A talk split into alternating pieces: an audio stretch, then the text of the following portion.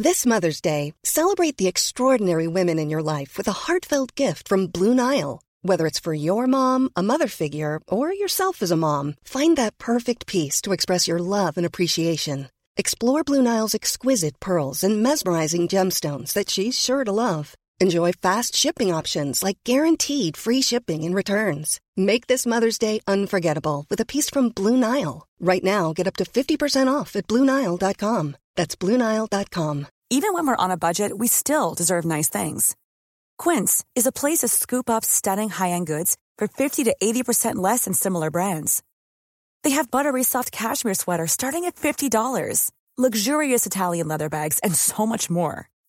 Plus, Quince only works with factories that use safe, ethical, and responsible manufacturing. Get the high-end goods you'll love without the high price tag with Quince.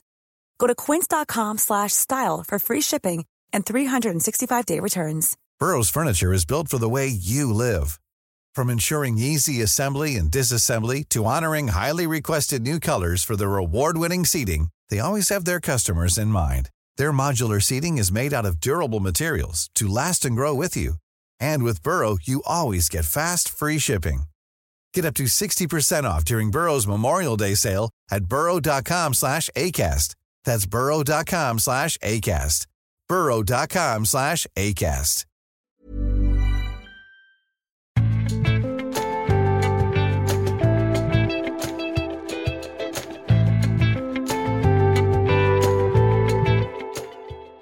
Hvordan ser norsk kirkehistorie ut nedenfra? Velkommen til Ja. Tore og Tarjei, en podkast fra dagen.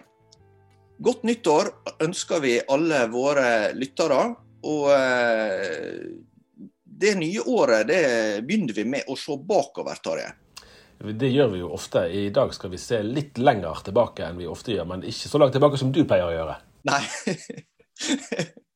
Nei, det, det kan en jo, kan en jo prøve, prøve å begrense litt på sjøl, men jeg har lest litt, litt historie i studietida, så, så, så må en prøve å holde seg i kontakt med sin egen tid. da. Det må iallfall være en ambisjon for en podkast. Ja, Det må være et naturlig mål. Men det har vel også vært, tror jeg, et av målene måla til, uh, til uh, dagens gjest. Det er du, professor Helje Kringlebotn Sø- Sørdal ved Universitetet i Agder, som er ute med ei bok om nyere norsk kirkehistorie de siste 200 åra, men med vekt på egentlig også en god del de siste tiåra. Og med vekt på å se kirkehistorien nedenfra. Altså ikke fra prester og biskoper og generalsekretærer først og fremst, men eh, bl.a. barneperspektiv, kvinneperspektiv og vanlige engasjerte kristne sitt perspektiv. Det er jo som kjent vanlige folk sin tur. Eh, Nettopp. eh, hvorfor har du valgt å skrive kirkehistorie nedenfra? Ja, jeg tror først jeg må si at jeg har jo ikke bare skrevet nedenfra.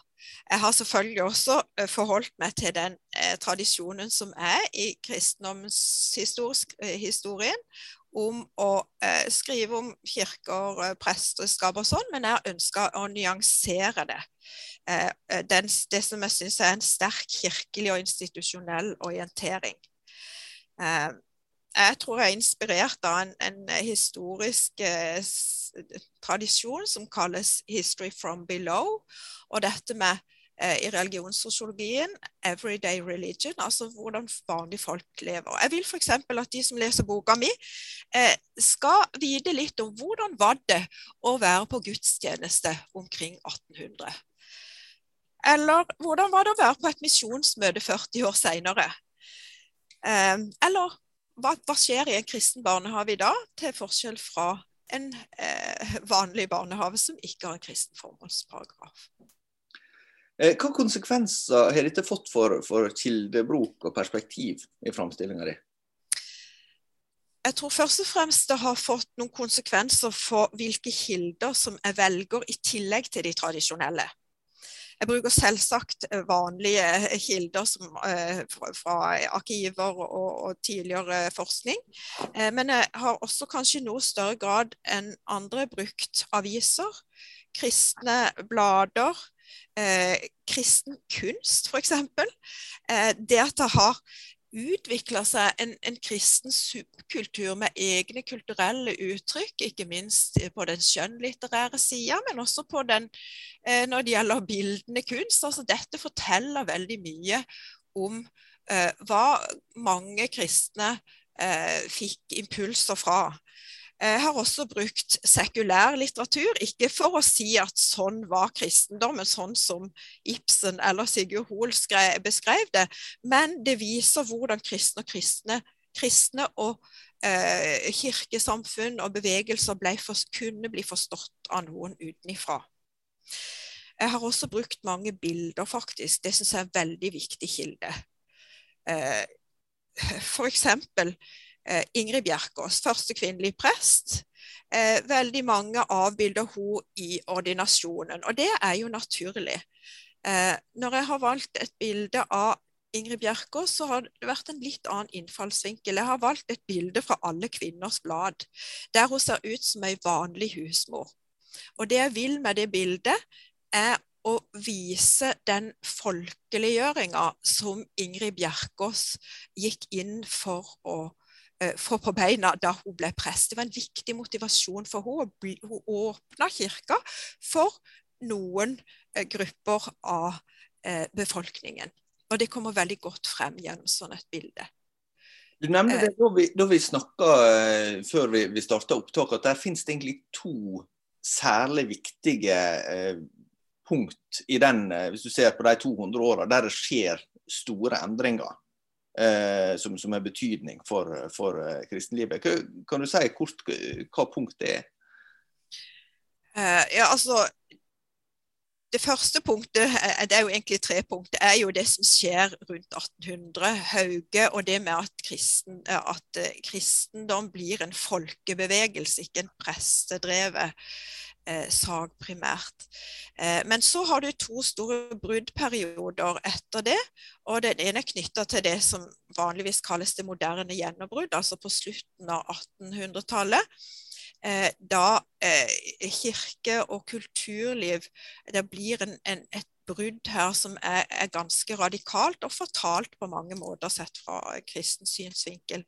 Og så skjer det veldig mye rundt 1970. Det blir et slags omdreiningspunkt både når det gjelder lover, eh, når det gjelder kulturfenomener, eh, når det gjelder farta på sekulariseringen, når det gjelder innvandring som fører til en flerreligiøs situasjon kunne nevne veldig mye annet, men disse to omdreiningspunktene, ca. 1880, ca. 1970, de er sentrale. Jeg tenkte på det med, med, Når du sier 1970, så er det jo ganske interessant å sammenligne eh, bare medlemsandelen i Den norske kirke. Jeg tror rundt 1970 at det var, var det 94 ifølge Statistisk ja. sentralbyrå som var medlem i Den norske kirke. Nå er vi under 70 ja, I løpet av 50 år så er jo det ganske betydelig eh, nominell endring også.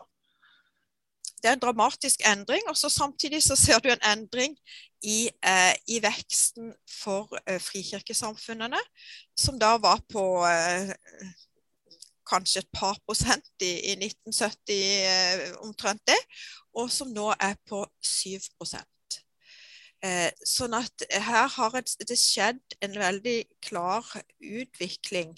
Eh, en del av norsk kristenhet har svekka seg numerisk, en annen har styrka seg. Og så vet vi jo også fra mye forskning at den frikirkelige delen av, eh, av, kristen, av norsk kristenhet er den mest aktive. Du, du, trekker linja tilbake der eh, fra Det er jo ca. fra 1850 vel vi kan regne at norsk frikirkelig historie begynner sant? med det som blir kalt for Lammersvekkelsen. og Man kan se sporene av både det som vi nå kaller for Misjonskirken og baptistsamfunnet egentlig i, tilbake der. Hvordan vil du vurdere frikirkelighetens plass i norsk offentlighet der? For du, som du snakker om, det er en nominell vekst, eller en, en, en relativ vekst i, i, prosent nå de senere tidene. Men hvis man ser på sånn eh, offentlighetens inntrykk, så jeg har ikke inntrykk av at frikirkelighet er blitt så veldig mye mer alminnelig i den jevne nordmanns øyne enn det var eh, den gangen? Det tror jeg nok kan være riktig. Og noe av grunnen til det kan jo kanskje henge sammen med hvorfor frikirkeligheten har vokst. Og det er primært pga. innvandring. Altså, det er ikke så veldig mange som har hoppa fra det ene kirkesamfunnet til det andre, selv om det selvfølgelig er en del tusen. Men det store utslaget handler om katolsk migrasjon, eh, og også om ortodoks. Og så ser vi også at eh, noen av, av fri, ja, de ikke de historiske kirkene, men de tradisjonelle frikirkene, sånn som Baptistforbundet f.eks., har vokst eh, betydelig pga migrasjon. Men, men disse kirkesamfunnene ofte, har, ikke, har, ofte ikke vært så mye fremme i media. Dvs. Si den katolske kirka har jo vært mye fremme pga. overgrepsskandaler eh, det siste.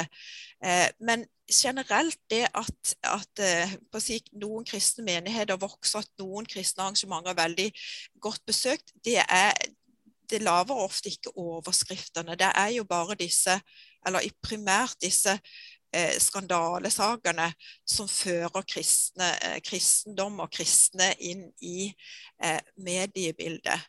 Eh, når det er medieaktørene selv som, som, eh, som lager oppslagene. Og Det skaper jo selvfølgelig en helt forvrengt bilde av, eh, av norsk kristenhet. Og Da er vi jo selvfølgelig inn på et nytt tema som er veldig viktig de siste 50 årene, nemlig medialiseringa. Ja, hvordan har den påvirka eh, Kristen-Norge, sånn som du ser det? Eh, altså, for det første vil jeg si at Kristne opp gjennom hele historien har vært veldig, uh, den historien som jeg forteller, har vært veldig flink til å bruke de nyeste mediene. Så Bare det faktum at Norsk Misjonstidene på slutten av 1800-tallet hadde et langt, langt høyere opplagstall enn datidas norske, største norske avis, som var Morgenbladet. Eh, men de siste tiårene har jo f.eks. Eh, Arild Edvardsen vært en, en mediegigant. Eh, nå er han død. Men veldig mange andre kristne grupperinger har vært eh, utrolig kreative på nettet. Vi ser at nå etter at pandemien slo inn, så er det enkelte menigheter som faktisk har hatt mye høyere besøk på sine sendinger enn de ville ha på en eh, normal gudstjeneste. Nå prøver ikke jeg å idealisere denne mediesituasjonen, for jeg mener det at eh, kristendommen i seg selv er en fellesskapende religion eh, som ikke eh, Der menneskemøter og det relasjonelle er veldig viktig.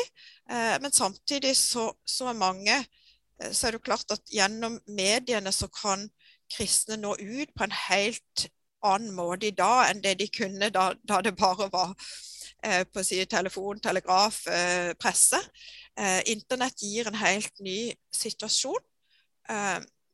Og det er spennende å se hvordan den vil slå ut i kombinasjon med, med mer tradisjonelle møteformer.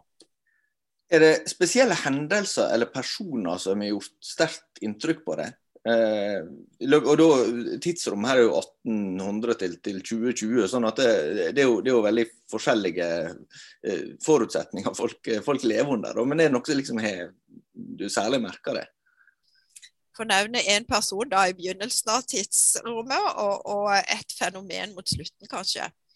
Eh, hvis jeg da skal begynne i ca. 1800, så, så er Hauge en som stadig gjør inntrykk. Eh, jeg har jobba en del med Hauge, skrevet en del om han.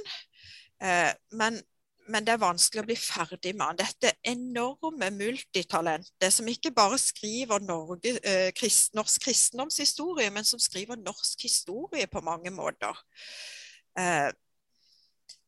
Jeg syns det er påfallende i jubileumsåret hvor lite Hauge, Hauges teologi har vært i brennpunktet den som leser Hauges originalskrifter, som veldig få gjør nå, og av veldig gode grunner, dette er vanskelig tilgjengelig stoff, altså. Men om en da skulle gjøre det, så er det som først og fremst springer en i øynene, det er denne sterke botsteologien. Mennesket er en synder, mennesket må gjøre bot, mennesket må forbedre seg. Mennesket trenger en omvendelse og et personlig engasjement. Det er ikke dette som har vært eh, diskutert i jubileumsåret, men implikas mange implikasjoner av Hauges eh, hovedteologiske eh, posisjon. Han har vært opptatt av det som er, er liksom mer gangbart i vår kultur. Det at han brukte kvinner så aktivt. Eh, det at han starta alle disse bedriftene. og Alt dette er selvfølgelig viktig, og det henger sammen med Hauges teologi. Men det er ikke kjernen i Hauges teologi. Um, hvis jeg da skulle si et, en hendelse som, eh, som, har gjort inntrykk på meg når jeg jobber med dette, eh, så tror jeg jeg vil vise til dette med misjonærbarnas skjebne. Jeg kan ikke se forresten at andre oversiktsverk har nevnt de i det hele tatt. Eh, men dette er jo noe som kom opp i 1970-årene. Da begynte enkelte misjonærbarn å fortelle at hadde, om at de hadde hatt en oppvekst som ikke var god. Eh, den første, altså, Vi kan godt si at misjonsorganisasjonene i starten var veldig offensive når det gjaldt misjonærbarna. Og, og, for så vidt moderne for sin tid. Eh, de starta ganske raskt den første misjonsskolen, for de mente at barn til misjonærer skulle ha, få samme kvalitet på, på opplæringa som barn som var i Norge. Så Det var jo på en måte fint. Eh, men i ettertid så er det jo tydelig at en, en, hadde en manglende kunnskap om barns syke, og, og, det ble gjort mange uforstandige ting. Og også en overså det maktbrukspotensialet som enkelte av de som jobba på skolene, faktisk hadde, og dessverre brukte. Eh, men, men, det gjør inntrykk å lese misjonærbarnas eh, skjebne, de som da hadde hatt det vondt. Det gjør inntrykk å lese en statistikk, f.eks. fra en undersøkelse i 2007 som Nordmisjonen sto for, eh, der 9% av respondentene sa at de hadde vært utsatt for en eller annen seksuell krenkelse, og 25 eh, mente at de hadde vært utsatt for omsorgssvikt. Det er jo eh, over 40 år siden 70-tallet. Eh, og dette er jo på ingen måte noe avsluttet kapittel. Senest eh, i høst eh, kom det jo en bok som tok opp eh, misjonærbarnas skjebne. Eh, og dette er jo i en sånn spesiell spenning mellom eh, forhold som jeg tror de fleste vil være enige om at er kritikkverdige, samtidig som man gjerne er redd for at hvis det blir den dominerende historien, så svekker man Eh, selve misjonsengasjementet. At liksom man vil forstå ja, det var dumt at eh, misjonærbarna gikk gjennom det de gikk gjennom, men vi må huske på at det var jo fordi at foreldrene var drevet av et brennende kall. Og at hvis vi eh, Vi må ikke glemme det. Men den, det kan jo bli en form for revisjonisme, da. Jeg lurer på, Er det spesielt for disse miljøene at man kanskje ikke helt tar inn over seg realitetene, da, fordi man ser seg blind på hensikten bak? Det var jo utvilsomt sånn eh, veldig lenge, eh, men jeg tror ikke det er sånn nå. Jeg tror misjonsorganisasjonene har et, eh, et, seriøst ønske om at barn ikke skal lide under foreldrenes kall. Og det at de aller fleste skoler, internatskolene er forsvunnet, at en har funnet andre løsninger, at en er ute kortere. Sånne ting viser jo at, at organisasjonene har ønska å rydde opp. Så kan en selvfølgelig kritisere for at den opprydninga ikke har vært eh, grundig nok, og at ikke alle er blitt møtt på en empatisk og, og god nok måte. Eh, men mitt inntrykk er at mange av organisasjonene iallfall har ønska å gjøre noe med dette som har vært mer enn bare sånn overfladebuss. Vi har også hatt eh, de siste tiåra ganske mange historier som vi har snakket om her i podkast med flere anledninger, med mennesker som opplever at eh, ja, det kristne miljøet noen har hatt behov for å komme seg ut av. Eh, for, fordi det har vært eh, for strengt, og det har vært eh, ting som har blitt gjort og sagt som har vært ukloke osv. Og så ser jeg i omtalen av boka at det virker også som at du har vært opptatt av å få fram hva som har, vært opplevd som positive ting ved å være engasjert i, i kristne miljø. Hvordan ser, ser, du på den balansen? For Somme vil jo gjerne at kirkehistorie skal være en solskinnshistorie. Andre vil at det skal være en slags sånn eh, historie om, eh, om, at vi går fra, fra, mørke til lys, nærmest, i den grad vi kommer oss ut av en kristen innflytelse. Hvordan har du tenkt om det? Ja, jeg tror at eh, Nå har jeg jobba faktisk med, med, mange minoriteter. Jeg jobba med Jehovas vitner f.eks., som jo kanskje er den mest stigmatiserte minoriteten i, i, Norge i dag. Og også da må jeg minne om at eh, der er et Altså, der er sosial kontroll, ja, men hva med den sosiale støtta? Eh, eh, hvis vi da hopper vekk fra Jehovas vitner igjen, men, men, selv der mener jeg at det, det, er på sin plass å minne om at sosial støtte er veldig viktig. Eh, mange menigheter har jo betydd enormt for Eh, for mennesker med å gi sosiale nettverk, eh, med å gi sosial støtte, eh, med å gi hjelp til å komme ut av rus, komme ut av ensomhet, gi livene mening. Nå er jeg jo på det individnivået, da, selvfølgelig.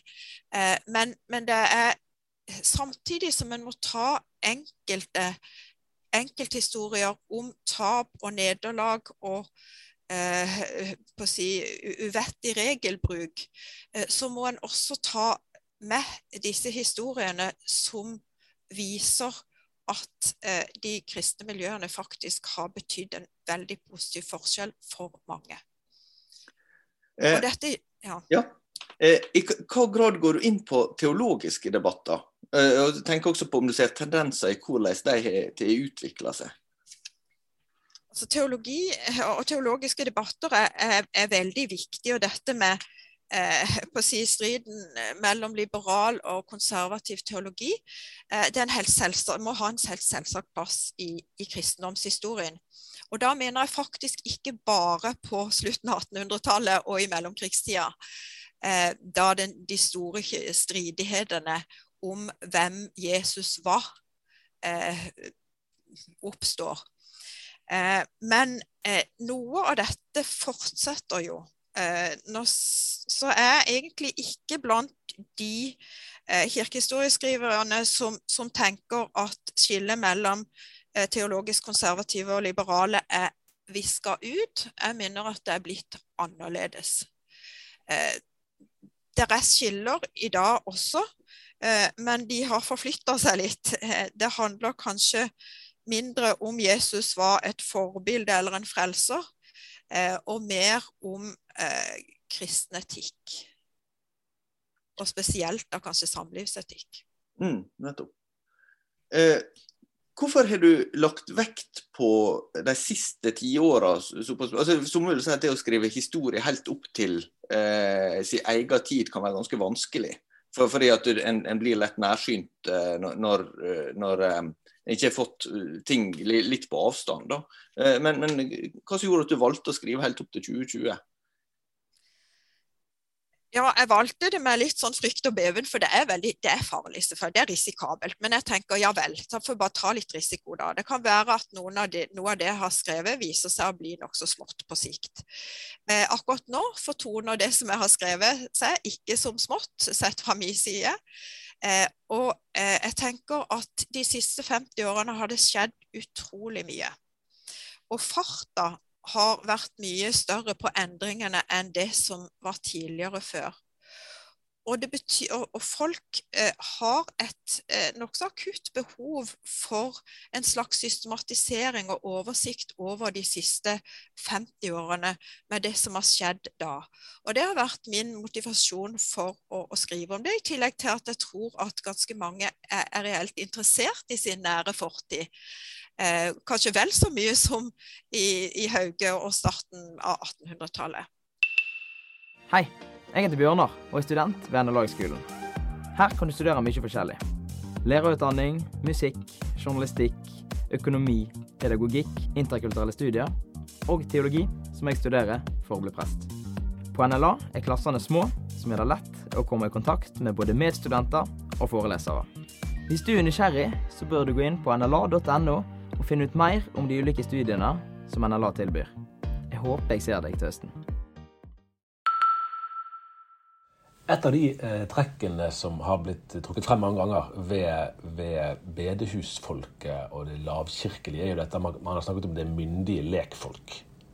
Og Den perioden du, du, konsentrerer deg om, er jo i stor grad òg vekkelsesbevegelsenes liksom, inntog i både i kristenhet og samfunn. Eh, og Der er det jo ganske interessant synes jeg, å se det litt i lys av vår egen tid, der vi på en måte, ja Det ser vi nå i pandemien, at vi er veldig autoritetstro. Eh, og det har vel òg en ganske tydelig overføring, tror jeg, til teologien der der det å lytte til teologisk fagkompetanse er det gjør man gjerne enda mer enn man gjorde før, i hvert fall hos en del. Og da, altså, Det er ikke så lett å få øye på det myndige lekfolket lenger. Fordi at man har nesten, nå kan du på om man har abdisert litt og latt biskoper og prester og, og professorer eh, få kjøre løpet mer. Altså, kjenner du, eller Hvordan ser du da på utviklingen i innstillingen da, hos de som da var vekkelsesfolk, og som ikke ville bare ta diktat fra presten, men som ville ha bedehus og som ville ha frikirker? sammenlignet med innstillingen eh, i dag? Ja, eh, nå vet jeg ikke helt om jeg, eh, om jeg følger det resonnementet ditt, om jeg er enig i det. At, at legfolket ikke er myndig fremdeles, og at, at, at vanlige folk bryr seg om religiøse autoriteter. Det tror jeg faktisk ikke de gjør. Jeg tror ikke vanlige kristne er spesielt opptatt av hva biskopene eller Kirkerådets leder eller hva, hva de, de, de, til oss langt mindre de teologiske professorene mener. Den individualiseringa som har skjedd, Eh, etter 1970 spesielt, eh, den peker jo helt en motsatt vei. Altså folk, eh, folk tror og, og, lever på den måten de selv mener er rett. Og så ser de jo også at eh, biskopene f.eks. er uenige seg imellom, og hvem, hva skal en da mene om dette? Jo, da kanskje ser en på den som en syns virker snillest, mest sympatisk, et eller annet sånt. Men at autoritetstroen har vokst i, på det religiøse området, det tror jeg ikke. Men selv om det kanskje er at vi som tillitssamfunn i Norge har ganske sterk tiltro til myndighetenes eh, på å si, koronapolitikk. Så jeg mener faktisk at legfolket er ganske så myndig nå. Eh, et eksempel på myndiggjøring eh, eller i hvert fall deler av legfolket, er jo dette med, med forsamlingsdanningene. Eh, som har skjedd eh, etter tusenårsskiftet, eh, først og fremst. Og det at den har brutt med Hauges eh, prinsipp om at eh, hans eh, venner, tilhengerne, skulle holde seg til statskirka. Eh, når en da har oppretta egne trossamfunnslister. Dette er jo et klart brudd med en lang, lang tradisjon som organisasjonene har hatt. Nå er ikke disse trossamfunnene veldig store numerisk, de teller bare ja, anslagsvis 2500 til sammen. Eh, men forsamlingene derimot er mange. Jeg prøvde å telle opp, og jeg mener at det har kommet til ca. 150 forsamlinger i, i, landet som da er drevet av, av IMF, NLM. Og Hvis vi da sammenligner det tallet, altså 150 50 eh, menigheter, eller forsamlinger som fungerer som menigheter for i alt det praktiske, med antall sogn i Den norske kirke, som er litt over eh, 1100, så ser vi at det er et betydelig tall. Og flere av disse forsamlingene har jo veldig stor oppslutning. Eh, den største er nok Imi kirka i Stavanger, som har over 1000 medlemmer. Og høy, høy oppslutning på vanlige arrangementer. Så her ser vi noe som ikke media er interessert i. Sånn, det er noe som går under radaren, og noe som heller ikke kirkehistorikerne har vært interessert i. Og Det samme gjelder migrantmenighetene, som antagelig er rundt i underkant av 250. Og de er ikke bare i Oslo, som er det mest flerreligiøse området, Oslo og Drammen. Eh, de er i hele Norge, også i Bygde-Norge, faktisk. Du har avvist at, at, du har skrevet historie om kristendommens vekst og fall. og Det er jo kanskje det vi er inne på nå. da. Eh, at du mener at kristen tror er livskraft, selv om eh, aktive kristne i økende grad har blitt en minoritet. Hva, hva livstegn ser du som særlig viktige? Jeg tror at en må selvfølgelig måle kvantum, altså hvor mange, kristne, hvor mange er det som kaller seg kristne, hvor mange tror på Gud osv. Men kvalitet er også et moment her. altså vi må, vi må, også, eller En bør også, når en skal snakke om og skrive om kristendommens historie, eh, se på kvaliteten i, i, eh, i, en del kristne miljøer. Og engasjementet hos en del eh, aktive kristne. Eh, og det er ikke bare sånn at alle menigheter går, går ned eh, i eh, oppmøte og engasjement. Eh, noen menigheter eh, vokser. Eh, de klar, har klart å omstille seg. De, har, de er kultursensitive. de er gode på form. Eh, de er gode på barne- og, ung, og, ungdomsarbeid, som er kjempeviktig. Det er jo det som er fremtida for de fleste organisasjoner, at en klarer å bygge nedenfra. Um, sånn at vi har et stort spenn fra veldig, eh, veldig små og nærmest utdøende eh, grupperinger til ganske store og sterke og mindre også grupperinger, mindre nettverk, eh, som fungerer veldig godt, selv om ikke de er store. Så et, for, for, meg er dette et sammensatt bilde mer enn et svart bilde, eller et eh, nærmest eh, mørkegrått bilde. da professor Geir Lundestad, som jeg tror må være Tarjei sin favoritthistoriker. Gjett at Gunga understreker han blir spurt om, om, hva som skal skje eh, framover, at han er historiker og ikke profet. Eh, men når en jobber med sånn som du har gjort, særlig nær historie, så, så blir det jo litt spennende likevel å spørre, gitt en del av de trendene som vi har sett, og, og sett over tid. Eh, hvordan ser Krist-Norge ut i framtida hvis de fortsetter? Eh, har du gjort deg noen refleksjoner om det? Ja, eh, jeg vil heller ikke komme i denne profetsjangeren. Eh, men det er klart noen ting virker mer sannsynlig enn andre. Men før jeg sier noe om det, eh, så tenker jeg at veldig mange historikere har opplevd, og vanlige folk også, at historien tar veldig annerledes vei enn det en har planlagt for. Ikke sant? Militær militære har stort sett forberedt eh, forrige krig, og ikke den som eh, lå foran dem. Sånn at jeg tenker, uten sammenligning for øvrig, at, at vi kan fort vekk bli overraska over hva som kommer til å skje. Noe som jeg er spent på personlig, det er jo hva skjer med, med, med de kristne migrantmenighetene. hvordan vil, vil de kristne migrantene, som, eh, som, er forholdsvis mange. Over halvparten av de som kommer til landet vårt, eh, kommer fra land med kristen, eh, kristent befolkningsflertall. Hittil har de ikke markert seg veldig mye i det offentlige, selv om de er ganske mange. Men, men hvordan vil de kunne påvirke norsk kristen, kristenhet på sikt? Det er spennende. Men når det gjelder trender, så er jeg nokså sikker på at sekulariseringen vil fortsette på institusjonsnivå, på samfunnsnivå. Eh, Norge er ikke noe eh, si, isolert øy. Dette gjelder eh, store deler av Vesten, eh, som er inne i en, en, en stor sekulariseringsbølge. Det betyr ikke at, at ikke enkeltindivider kan ha en veldig engasjert tro oppi her. Og, og, og sekularisering på individnivå er jo mye vanskeligere å måle. Eh, vi kan godt se for oss at mange blir, blir brennende kristent engasjert. Eh, det, men, men, i hvert fall så tenker jeg at den, denne her, den kristne stat, altså drømmen om den, eh, den, den er ikke realistisk.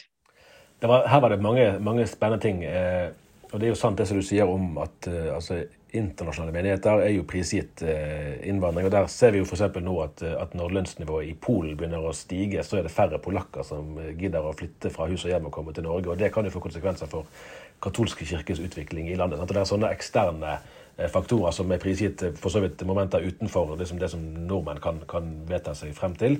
Eh, og Sånn sett er jo, er jo eh, utviklingen vi snakker om i forholdet mellom bedehus og frikirke og Den norske kirke, er jo mer resultat av at nordmenn forandrer seg. Eh, men der er det jo gjerne sånn som du sier, at det er ikke egentlig generalforsamlingsvedtak eh, eller strategidokumenter som er den viktigste forandringsfaktoren. For Torjall og meg har jo holdt på i mange år og prøvd å fordype oss i å forstå liksom, hvorfor ikke det er flere i bedehusene som forlater kirken.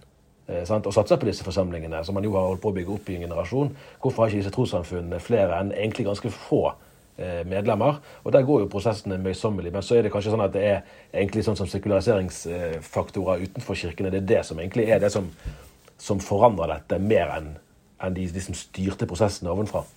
Ja, det, det, tror jeg er mye i. Altså, selvfølgelig må en organisasjon ha strategier. Og jeg holder forresten på i startfasen av en bok om kristne strateger. Eh, sånn at jeg, jeg må, jo, eh, må, jo, tenke at, eh, jeg tenker at strategi har en betydning. Men, men denne individualiseringen er veldig sterk, sånn at jeg tror at det som skjer på lokalplanet, ofte er det aller viktigste. Eh, og når en vurderer styrken av forsamlingen og styrken av, eh, av frikirkeligheten, så må en jo vurdere det opp mot eh, si, de andre grupperingene som faktisk går ned. Da er det jo egentlig ganske sterkt at det finnes 150 forsamlinger, hvorav mange er, ganske store. og at det finnes at det finnes fri, frikirker hvorav mange faktisk også har styrka seg. Du var jo inne på, på ehm, det også før vi, vi, eh, vi eh, begynte, at, at, eh, du er vel den første kvinna så vidt du, du, kjenner til som har skrevet et oversiktsverk over norsk historie. Og at det i stor grad vært eh, ja, relativt voksne lutherske teologer da, som har skrevet, skrevet historie om, om, det kristne Norge. og så, så lurer jeg litt på hvordan ser du Altså, Norge har jo vært en konfesjonsstat i, i flere hundre år, eh, i likhet med andre nordeuropeiske land. Eh, men nå så, så eh, er jo ikke eh, lutherdom en statsreligion lenger, og, og, vi har ikke en sånn Det er ikke en sånn selvsagt referanse. Det, det er ikke så, kanskje så lett å, å, å forvente og forutsette at, at, folk skal ha en bestemt konfesjon. Er, er det også noe som du ser gir, gir innslag inn i, i kristne sammenhenger? Altså Tidligere at du kanskje hadde mer sånn større grad av, av eh, felles eh, forståelse av, av hva tradisjonen står i, medan en nå henter impulser fra mange forskjellige tradisjoner. At, at også da de kristne fellesskapene blir mer mangfoldige. så det. Ja, det er helt klart. Altså, den, den konfesjonelle interessen er jo tydelig svekka. Eh, hvis folk vurderer å, å skifte menighet, så, så, tror jeg de fleste spør seg hvor er det, er det, det er gode relasjoner, hvor er, det, eh, hvor er det jeg finner et fellesskap og en form som jeg kan like, eh, og hvor er det kanskje god forkynnelse. Men, men en vil sjelden spørre altså, hva, hvor er den eh, riktige teologien? Altså Noen vil spørre det, men hvis vi ser dette på et, eh, et litt sånn aggregert nivå, så er relasjon og form eh, det som mange svarer at betyr mest. Fordi hvis en ser på sånne religionssosiologiske undersøkelser. Sånn at altså, troslære tror jeg nok med fordel noen kunne satse mer på. For det, det, er klart det er viktig hva mener et trossamfunn, hva lærer et trossamfunn. Eh, og, og, medlemmer bør jo kanskje eh, vite noe om det. Eh, det som jeg tror det, det, mest dramatiske når det gjelder det konfesjonelle sånn, på nasjonalt nivå, det er jo dette eh, bruddet mellom kirke og skole. Jeg skriver forresten mer om skole enn de aller fleste gjør, for det mener jeg er utrolig viktig i kristendomshistorie. Hvis, da, hvis jeg da skal ta et skritt tilbake og se litt på 1800-tallet, hvem var viktigst for barn og ungdom i Norge? Var det presten eller lærere eller skolen? Det er jo helt utvilsomt skolen. Eh, de traff læreren og hadde kristendomsundervisning, sang kristne sanger, eh, ba kristne bønner hver eneste dag. Presten traff de en gang iblant på en gudstjeneste, og de hadde ikke en personlig relasjon til han. Eh, så denne avviklingen av skolen som kristen institusjon er egentlig eh, noe av det mest dramatiske som har skjedd. Det har skjedd gradvis.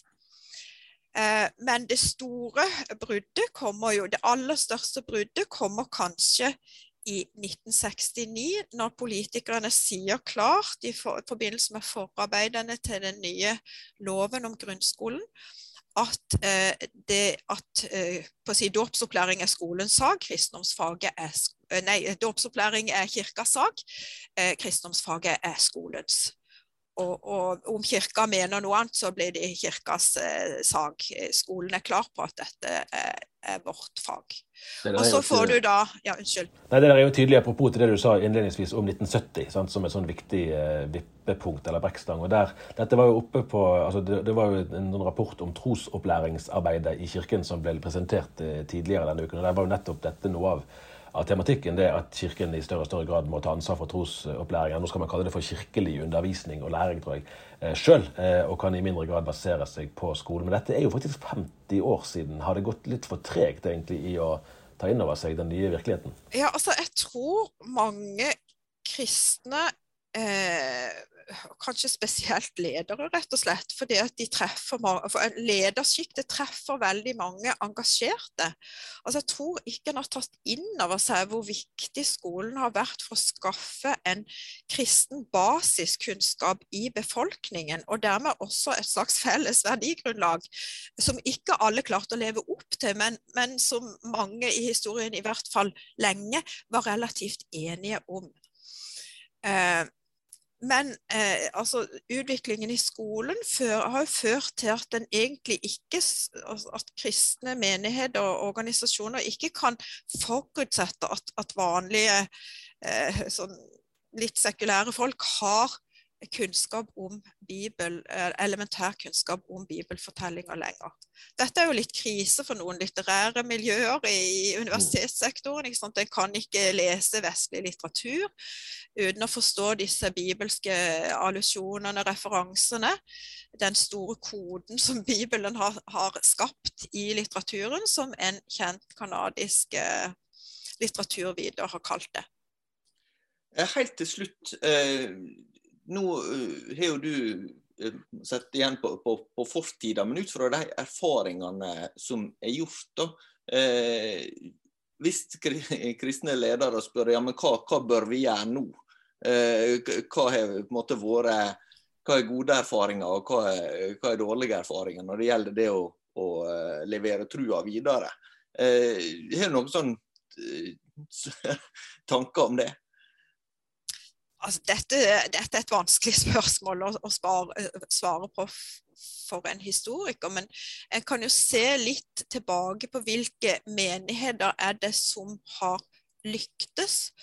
Og det er jo uh, i den forstand at, uh, at, de har greid å skape ikke bare mange medlemmer tallmessig, uh, men også mange engasjerte medlemmer så er det jo ofte det at, eh, at det er gode sosiale miljøer. Eh, at det er en, en omsorg og, og, en integrering eh, som er tydelig av medlemmene. Men faktisk også at det er en slags forventning om at du skal engasjere deg. Altså Folk blir ofte engasjert i noe som de investerer noe i. Altså Her kan du nesten bruke økonomisk teori eller sånn på å si, salgs, altså eh, teori om, om, hva som lønner seg hvis du skal ha en vare på salg. Altså Du må ikke prise en vare så lavt at det ser ut som du selger skrap. ikke sant? Hvis du selger noe på 90% så tror jo kunden at dette er noe elendige greier. Eh, og hvis en da overfører det litt til, eh, til et, et kirke- og menighetslandskap altså hvis hvis terskelen inn eh, blir altfor lav, hvis, hvis, ikke det er noe forventning om at du skal gjøre noe som helst, at, du, at de ønsker at du skal engasjere deg, eh, så, ikke, så, kan det se ut som en, en har en litt dårlig, noe litt kleint å tilby, rett og slett. Eh, noen av disse amerikanske menighetene som har gjort det ganske godt, har hatt f.eks. som medlemsvilkår at du må være engasjert i en eller annen form for frivillig virksomhet. Det trenger ikke være at du skal være møteleder eller ha en tung posisjon, du kan være parkeringsvakt for den saks skyld. Hovedsaken er at du skal være med i et eller annet som eh, forplikter deg, og som gir deg et eh, sosialt og kristent fellesskap. Boka er altså 'Norsk kristendomshistorie 1800 til 2020' eh, av Helje Kringelbotn Sørdal. Takk skal du ha for at du var med. Dette her kunne vi snakka veldig lenge om, men nå, nå har vi gått litt over tida, og, og eh, setter pris på at du eh, ville være med oss. Ja, tusen takk for meg.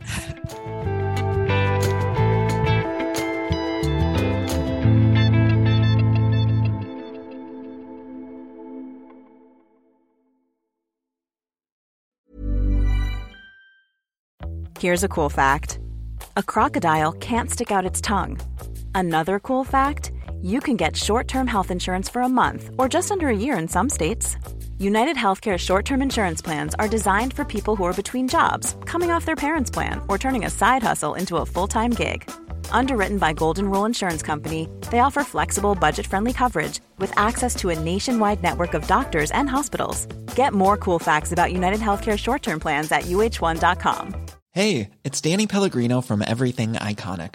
Ready to upgrade your style game without blowing your budget? Check out Quince. They've got all the good stuff shirts and polos, activewear, and fine leather goods, all at 50 to 80% less than other high end brands.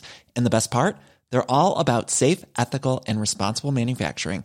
Get that luxury vibe without the luxury price tag. Hit up quince.com slash upgrade for free shipping and 365 day returns on your next order. That's quince.com slash upgrade. When you make decisions for your company, you look for the no brainers. And if you have a lot of mailing to do, stamps.com is the ultimate no brainer. It streamlines your processes to make your business more efficient, which makes you less busy. Mail checks, invoices, legal documents, and everything you need to keep your business running with stamps.com. Seamlessly connect with every major marketplace and shopping cart. Schedule package pickups and see your cheapest and fastest shipping options from different carriers with rates up to 89% off USPS and UPS rates. And with the stamps.com mobile app, you can take care of mailing and shipping wherever you are. Make the same no-brainer decision as over 1 million other businesses with stamps.com. Sign up with code program for a 4-week trial plus free postage and a free digital scale. No long-term commitments or contracts. That's stamps.com. Code program.